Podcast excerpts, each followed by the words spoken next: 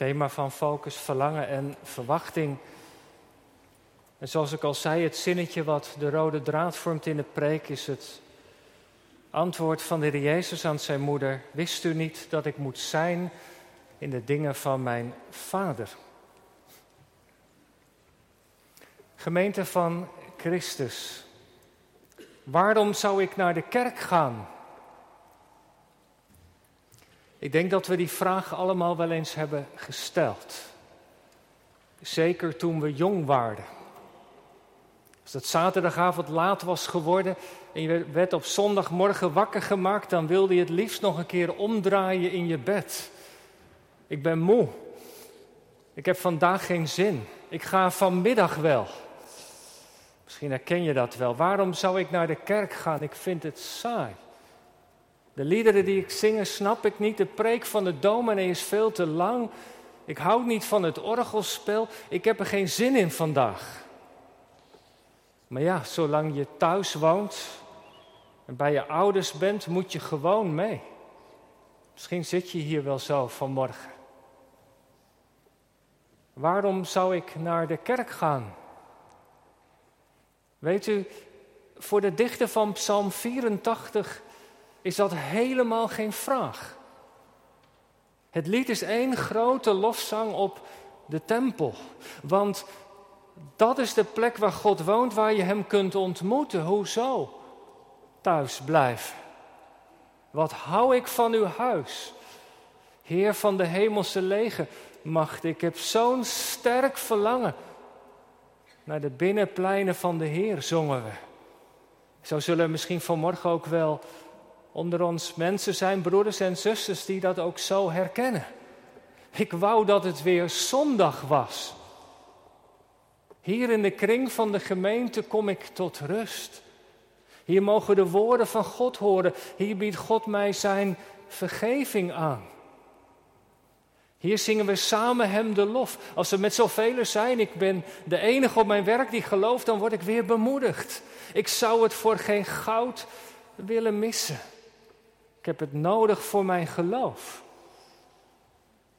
Deze week stond er in het blad Visie een interview met dominee Arie van de Veer. Het ging over zijn ziekte en wat het met hem doet. En in dat gesprek komt ook de kerk voorbij. Hij zegt, misschien dat ik daarom wel zo graag naar de kerk ga. Niet omdat ik vroom ben, maar omdat ik het nodig heb. De liederen die we zingen onttrekken me aan mijn verdriet. Zeg nou zelf, als God voor je zorgt, als je zingt, God zorgt voor mij, je houdt van mij, dan gebeurt er toch wat met je, dan klamp je aan die woorden vast. In 1970 schreef de Utrechtse hoogleraar theologie van Ruler een boek heb het maar eens even erbij genomen. Waarom zou ik naar de kerk gaan? En hij geeft 21 antwoorden op die vraag. Zes jaar lang, door zijn ziekte, kon hij niet spreken. En was hij gewoon kerkganger heeft daar een boek over geschreven. Ik ga naar de kerk, zegt hij, om een kans te lopen bekeerd te worden. Om een traditie voor te zetten, om heil te ontvangen, om de vergeving van zonde aangezicht te krijgen, om in het openbaar mijn geloof te beleiden, om opgebouwd, gesticht te worden. Allemaal antwoorden die hij geeft. Als wij vanmorgen nou die vraag zouden stellen aan de Heer Jezus. Waarom bent u naar de tempel gegaan? Wat zou hij dan antwoorden? Ja, dat weten we natuurlijk niet. Kunnen hem die vraag niet meer stellen, maar toch, uit het antwoord wat hij geeft aan zijn moeder Maria, kunnen we wel veel afleiden. als ze na drie dagen eindelijk hebben gevonden daar in Jeruzalem en ze, en ze, en ze vinden hem en, en ze stellen hem ja, ook wel verwijtend die vraag, waar was je nou? Waarom heb je ons dit aangedaan? Begrijpelijk.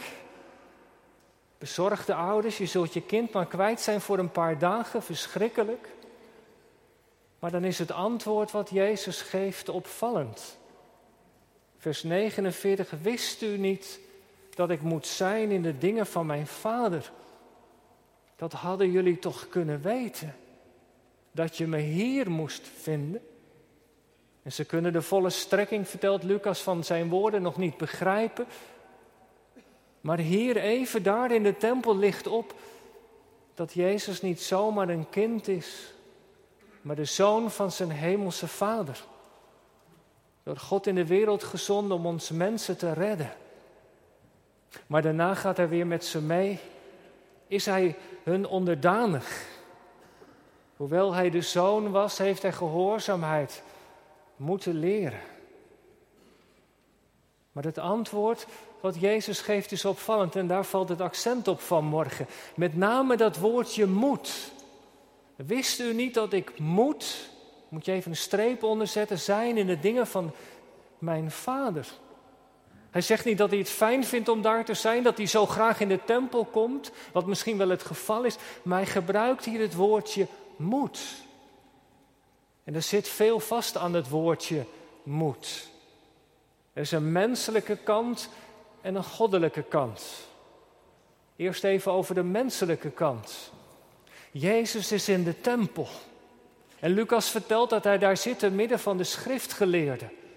En dat dit voor de Heer Jezus en voor zijn ontwikkeling belangrijk is, dat laat de evangelist Lucas heel duidelijk zien.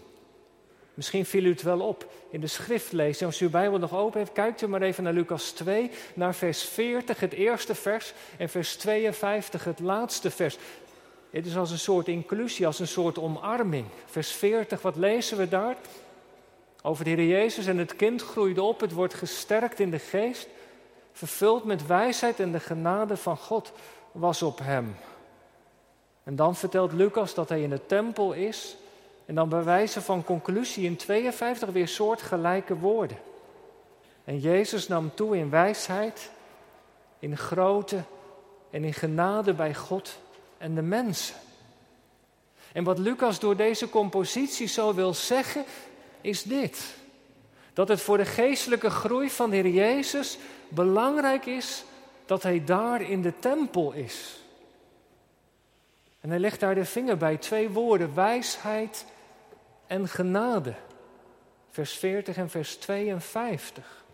Met andere woorden, om te groeien in de wijsheid en de genade, is de Heer Jezus juist in de tempel.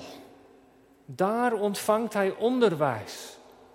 Daar worden de woorden van God gelezen en overdacht. Daar wordt het geloof gevormd. Zo was het in het Oude Testament, dat weet u wel. De tempel was een plek van onderwijs Later de synagoge. In het Oude Testament was dat zo, in het Nieuwe Testament is dat de kring van de gemeente. Wordt een tempel van de Heilige Geest genoemd, de plek waar Gods Geest onderwijs geeft. De Heer Jezus is twaalf jaar en hij ontvangt daar in de tempel onderwijs. En zo al gaandeweg groeit hij in wijsheid en in de genade van God, zegt Lucas. Dat is eigenlijk best bijzonder als je daarover nadenkt. Jezus, hij is de zoon van God, zonder zonde. En tegelijkertijd is hij ook voluit mens. Geboren uit een vrouw. Hij woont in Nazareth, te midden van zijn familie en bekenden. En net als wij moest Jezus ook opgroeien. Hij is door zijn ouders aangekleed. Hij is door zijn ouders gevoed. Ze hebben voor hem gezorgd. Ze hebben hem verteld over de, over de Heere God. Hij is naar school gegaan, heeft de synagoge bezocht. Hij is naar de tempel geweest en is twaalf jaar. Net zo oud als jij misschien. En in die tempel ontvangt hij onderwijs. En hoe ging dat dan? Wat is daarin belangrijk? Nou, drie dingen wil ik even onderstrepen vanmorgen. Drie dingen die de Jezus hebben geholpen om te groeien in wijsheid en in genade. En als dat voor hem belangrijk is, zeker ook voor ons. En, en het eerste is een vaste gewoonte. Wat lezen we namelijk? Jezus reist met zijn ouders naar Jeruzalem. En zijn ouders, vers 41, deden dat elk jaar. Het was een vaste gewoonte om met paasfeest naar Jeruzalem te gaan. Ze sloegen geen feest over. Daar zit dus een gewoontevorming in. Jozef en Maria nemen de dienst aan de Heer serieus. En zo heeft de Heer Jezus vanaf het begin kennis gemaakt met de Joodse feesten. Van jongst af aan is hij ermee opgevoed. Wat een voorrecht is dat voor hem geweest.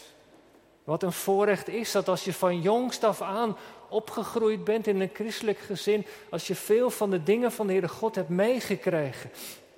En Lucas vertelt later in hoofdstuk 4 dat Jezus naar zijn gewoonte naar de synagoge gaat. Zoals hij gewoon was dat te doen. Hij neemt dat van zijn ouders over. En blijkbaar is dat dus belangrijk. Als iets een gewoonte is, hoef je niet weer elke keer af te vragen of je zin hebt, of je wel gaat. Geldt voor de kerkgang, voor een bijbelkring, voor catechisatie. En dat weet je zelf ook wel, dat is zo vermoeiend. Om je telkens weer af te vragen, ga ik wel, ga ik niet. Nee, Lucas laat zien, er zijn dingen die goed voor je zijn. Waardoor je geestelijk kunt groeien. En gewoontevorming was ook voor de Heer Jezus dus belangrijk. Benut dat dan, al die gelegenheden die er zijn. Maak er een vaste gewoonte van. Om Bijbel te lezen en te bidden, elke dag een vast moment. Maar dat doet u misschien al heel wat jaren. Maar gedisciplineerd zijn in de dingen van God, dat is tot zegen. Jezus is twaalf jaar. Een jaartje later is hij dertien. Dan zal hij zoon van de wet worden, bar mitzwa. Dan mag hij voor het eerst in een samenkomst van de gemeente uit de Torah lezen. Misschien heeft u het wel eens meegemaakt in Israël. Bij de klaagmuren kun je het soms zien. Een bijzonder moment als een jongetje voor het eerst na oefenen uit de Torah mag lezen. De ouderen staan eromheen en verheugen zich erover. Over een kind of kleinkind die je voor het eerst officieel uit het woord van God leest. En je ziet de vreugde bij de oudere generatie. Ik vind dat altijd zo mooi om te zien. Ze zijn er blij mee. Als de jongere generatie de stappen zet op het geloof en al aarzelend begint te lezen uit de Torah. Laten we dat vasthouden. Biddend staan rond onze kinderen en jongeren. Hen stimuleren, motiveren, ruimte te geven. Bezig te zijn met de dingen van God. Hoe belangrijk is dat? Gewoonte. Tweede, geloofsgesprek. Lucas vertelt het op een bijzondere manier, vers 46. Jezus zit in het midden, hij is omringd door leraren. En ze stellen hem vragen, hij geeft antwoorden, ze zijn verwonderd over de kennis die hij heeft. Maar wat daar gebeurt, hoort bij de Joodse traditie. Het onderwijs van vraag en antwoord, dialoog, wordt gestimuleerd. Geen inrichtingsverkeer, maar het is een gesprek. Ruimte voor vragen, zoeken naar antwoorden, de Bijbel gaat open. En het trof me weer opnieuw. Daar zitten die leraren van de wet, die zijn een leven lang met de Torah bezig geweest. Daar zitten jonge knulletjes van maar twaalf jaar. Maar ze nemen de tijd voor hen. Ze gaan met hen in gesprek. Hoe belangrijk is dat? Dat er in de kring van de gemeente voor kinderen en jongeren aandacht is. En gelukkig doen we dat ook. Op club, op catechisatie, op de Bijbelkring, de lefkring. Allerlei plekken waar we met elkaar in gesprek zijn. Over de dingen die ertoe doen. Over wie de Heere God is. Wat de Heer Jezus heeft gedaan. Er is ruimte voor vraag en antwoord. Vragen worden serieus genomen, zoals daar in de tempel. Jezus te midden van de leraar. Hoe belangrijk is dat? Want er komt veel op onze kinderen en jongeren af. Vrienden die niet geloven heb je misschien. Vragen over relaties. Over het lijden in deze wereld, over de islam. Welke films je op Netflix kijkt, welke muziek je luistert. Wat past nou bij de Heer Jezus of niet? Wat zou Hij gedaan hebben in deze situatie? Soms ook niet zo makkelijk om te zeggen, maar daar kun je het met elkaar dan over hebben. Hoe belangrijk is dat we daar thuis mee bezig zijn. Als je tenminste nog thuis woont als je kinderen hebt, of op de Bijbelkring, of samen het geloofsgesprek voeren als broeders in de kerkraad. Samen zoeken naar wat God vandaag van ons vraagt. Wat zou de Heer Jezus in deze situatie doen? Wat zou Hij van ons vragen? Hoe staan we hierin vanuit het geloof? geloof? Welke keuzes maken we wel en wat niet? Het is moeilijk om dat alleen te doen, daar heb ik u, daar hebben wij elkaar bij nodig. En Lucas laat zien dat de Heere God dat zegent. Vragen en zoeken naar antwoorden, al die concrete dingen. Ze hebben de Heer Jezus geholpen. En er is nog iets wat me trof, het derde. Als hij daar dan in de tempel is, het is paasfeest. En ik denk dat het gesprek daar met de leraars ook over de Torah is gegaan, over de uittocht uit Egypte. Als de Heer Jezus dan met ze praat over de bevrijding uit Egypte, over de machtige hand van God, als het dan gaat over de verlossing van, van de slavernij, van zonde en dood, dan, dan is Jezus daar bezig met de dingen van zijn vader. Wist u niet dat ik moest zijn in de dingen van mijn vader? Dat trof me. In het gesprek over het woord van God, in het vieren van het paasfeest, in al die dingen die daar in de tempel gebeurden, ging het onze heiland om de dingen van zijn vader. Dat was voor hem de kern, dat was het geheim om zo te zeggen van zijn leven. Ik moet zijn in de dingen van mijn vader. Mijn voedsel is de wil te doen van mijn hemelse vader. Ik dacht, wat is dat belangrijk ook. Als het gaat om gebed, om Bijbel lezen, om naar de kerk gaan, wat doen we dan? Dan zijn we bezig met de dingen van onze hemelse vader. Het gaat in de kerk niet om religie in het algemeen of over God in het algemeen, maar het gaat in alles wat we doen om onze hemelse Vader. Wie Hij is, wat Hij van u verlangt en van mij. Zo heeft de Heer Jezus het ons geleerd, toch? Toen Hij ons leerde bidden, zei Hij onze Vader. En als het gaat over de geest die geloof werkt, dan doet de geest ons zeggen, Abba Vader. In al die dingen die we doen in de kring van de gemeente gaat het om onze hemelse Abba. Jezus is daar bezig met de dingen van zijn Vader. Heel persoonlijk, laten we dat ook steeds voor ogen houden. Ja, maar wie is die God dan die we Vader mogen noemen? Nou, ik keer nog even terug, even kort, naar Psalm 84. Als de Israëliet naar de tempel gaat, dan leert hij daar dingen over God over zijn hemelse Vader. En wie is die God dan? Nou, dat laat Psalm 84 zien. Moeten we vanmiddag maar samen nog eens thuis, moeten, moeten maar eens lezen thuis. Wie is God? Hij wordt genoemd Heere van de legermachten tot vier keer toe. Die God, die de Israëliet, hij is op weg om die God te ontmoeten, dat is de machtige God. Hij ziet dat God sterk is en machtig en daarom kan hij bij hem schuilen. Angstige kinderen schuilen bij hem. Bij alle gevaren en moeite in het leven is de dichter veilig bij God. God is de machtige God. Hij is de levende God. Het wil zeggen dat hij hoort. Dat hij spreekt. Vers 9, God die luistert. Het derde, dat is een God bij wie we welkom zijn. We zijn zo verschillend. Maar kijk daar, daar is die mus, daar is die zwaluw. Die vindt daar bij dat altaar van God een plekje. Bij God ben je welkom met je vreugde en je verdriet. Elk mensenkind is kostbaar voor Hem. Het vierde, God is de genadige God, zegt de psalm. Als Hij komt in de tegenwoordigheid van God, dan ontdekt Hij weer opnieuw dat wie Hem zoekt genade en eer, het goede mag ontvangen.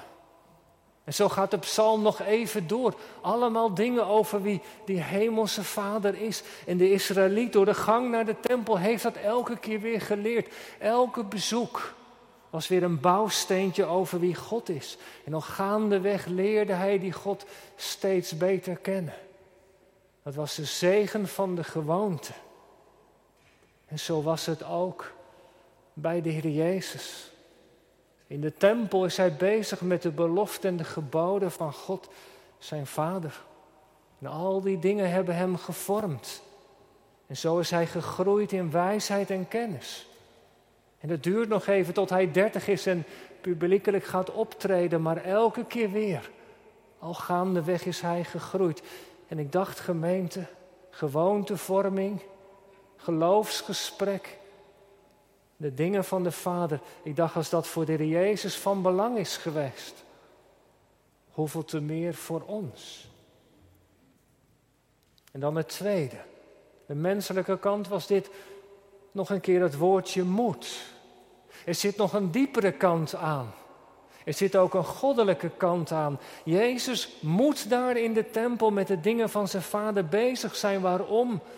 Die dingen van de vader, dat heeft met ons heil te maken. Jezus is bezig een einde te maken aan de nood, aan de gebondenheid, aan de vertwijfeling, aan de eenzaamheid en nog veel dingen meer die gevolg zijn van de zonde. Jezus is gekomen om de zonde te verzoenen, om de weg naar het Vaderhuis te banen. Hij roept ons op om ons te bekeren, om wat niet goed is te laten en ons op God te richten. En hij is gekomen voor ons om een plek te maken in het Vaderhuis van God. Daarom is hij daar in de tempel. Daarom moet hij zijn in de dingen van zijn Vader, want dat is de wil van God. Dat wij mensen niet verloren gaan, maar dat we behouden worden. En op elke bladzijde van het evangelie is de Jezus daarmee bezig. Daarom preekt Hij, daarom verzoent Hij, daarom geneest en bevrijdt Hij mensen. Daarom scheldt Hij de schuld kwijt. Hij brengt mensen in een goede verhouding naar, met God. Dat is Hij bezig daar te doen. Vanaf het allereerste begin van zijn leven. Daarom moet hij bij Zacchaeus zijn. Heden, vandaag kom ik bij jou op bezoek, dat moet. Daarom moet Maria van Magdalene van demonen worden bevrijd. Daarom moet hij door Samaria gaan, omdat er een vrouw is die afgeschreven, maar ook zij hoort erbij. God wil niet dat mensen, God wil niet dat wij verslingerd aan geld, goed en geluk, dat wij verloren gaan. Hij wil dat wij allemaal thuiskomen. U, jij en ik. En als Jezus op weg gaat naar het kruis en Petrus hem dat wil verhinderen, dan moet Jezus naar Golgotha gaan. Dat is de weg van de Vader. Verzoening doen voor verloren mensen, vernieuwing bewerken. Al die dingen. Moest Christus dit niet lijden? En in al die dingen is Jezus in zijn element, bezig met de dingen van zijn Vader. Hij doet het voor ons, in onze plaats. Waarom zou ik naar de kerk gaan? Met die vraag begon ik te preken, ik eindig ermee. Daar kun je natuurlijk heel veel antwoorden op geven, wel veel meer dan 21. Maar ik zou zeggen vanmorgen, ik ga naar de kerk. Omdat ik daar hoor over Jezus, die zijn leven voor mij gaf. Omdat we in de kring van de gemeente het avondmaal mogen vieren. En we het opnieuw weer mogen horen. Dat niets ons kan scheiden van de vergevende liefde van Christus. Tuurlijk, je kunt thuis in je Bijbel lezen, dat moet je zeker ook doen. Op Bijbelkring, op club en catechisatie ben je bezig met de dingen van God, dat is allemaal goed. Maar God heeft een belofte gegeven. Als we samenkomen als gemeente waar twee of drie in mijn naam samen zijn, zegt Jezus, daar ben ik in het midden. Dan mogen we verwachting hebben. Dat we vanmorgen hier niet te vergeef zijn. Wordt het geloof gewerkt? Dan wordt het versterkt. Is het altijd leuk in de kerk? Heb je altijd zin? Nee, misschien niet. Kan zijn van wel, maar dat is niet het punt. Het is goed hier te zijn. Want we horen over God die onze Vader is. En de Heer Jezus die ons lief heeft. Hier worden de beloften en de geboden van God gelezen. Ik weet wel, als je jong bent, vind je het best allemaal saai. Gaat misschien veel langs je heen, ook vanmorgen. Best een uitdaging voor ons als dominees. Hoe ik jou kan bereiken. Of jij die al wat ouder bent, zodat het niet langs je heen gaat. Dat we liederen zingen die je begrijpt. Dat er ruimte is voor vragen die je hebt. Vind ik best een uitdaging. Soms ook heel lastig. En als je suggesties hebt, hoe ik jou beter kan bereiken, schroom dan niet om het te laten weten. Maar ik hoop één ding van harte. En dat geldt voor ons allen, dat we in de kring van de gemeente samen zullen groeien. In de genade en wijsheid van God. Ja, dat de Heer Jezus steeds belangrijker voor ons wordt. Onmisbaar. Ik sluit af met een verhaaltje. Ik las over een man. Hij was op leeftijd gekomen. Hij zat in de stilte van zijn kamer uit de Bijbel te lezen en hij glimlachte terwijl hij aan het lezen was. Hij was zo geboeid dat hij niet merkte dat er iemand zijn kamer binnenkwam. Je ging helemaal op in wat je aan het lezen was zei die persoon. Ja, zei de man, ik heb er zo schikking in wat ik lees. Wat lees je dan? Nou, ik lees hier net over de Heer Jezus die in de dingen van zijn Vader is. En omdat Hij erin is, mag ik er ook in zijn. Nu en eeuwig. En daar ben ik zo dankbaar voor. Geweldig toch? Dat we dit mogen weten. Amen.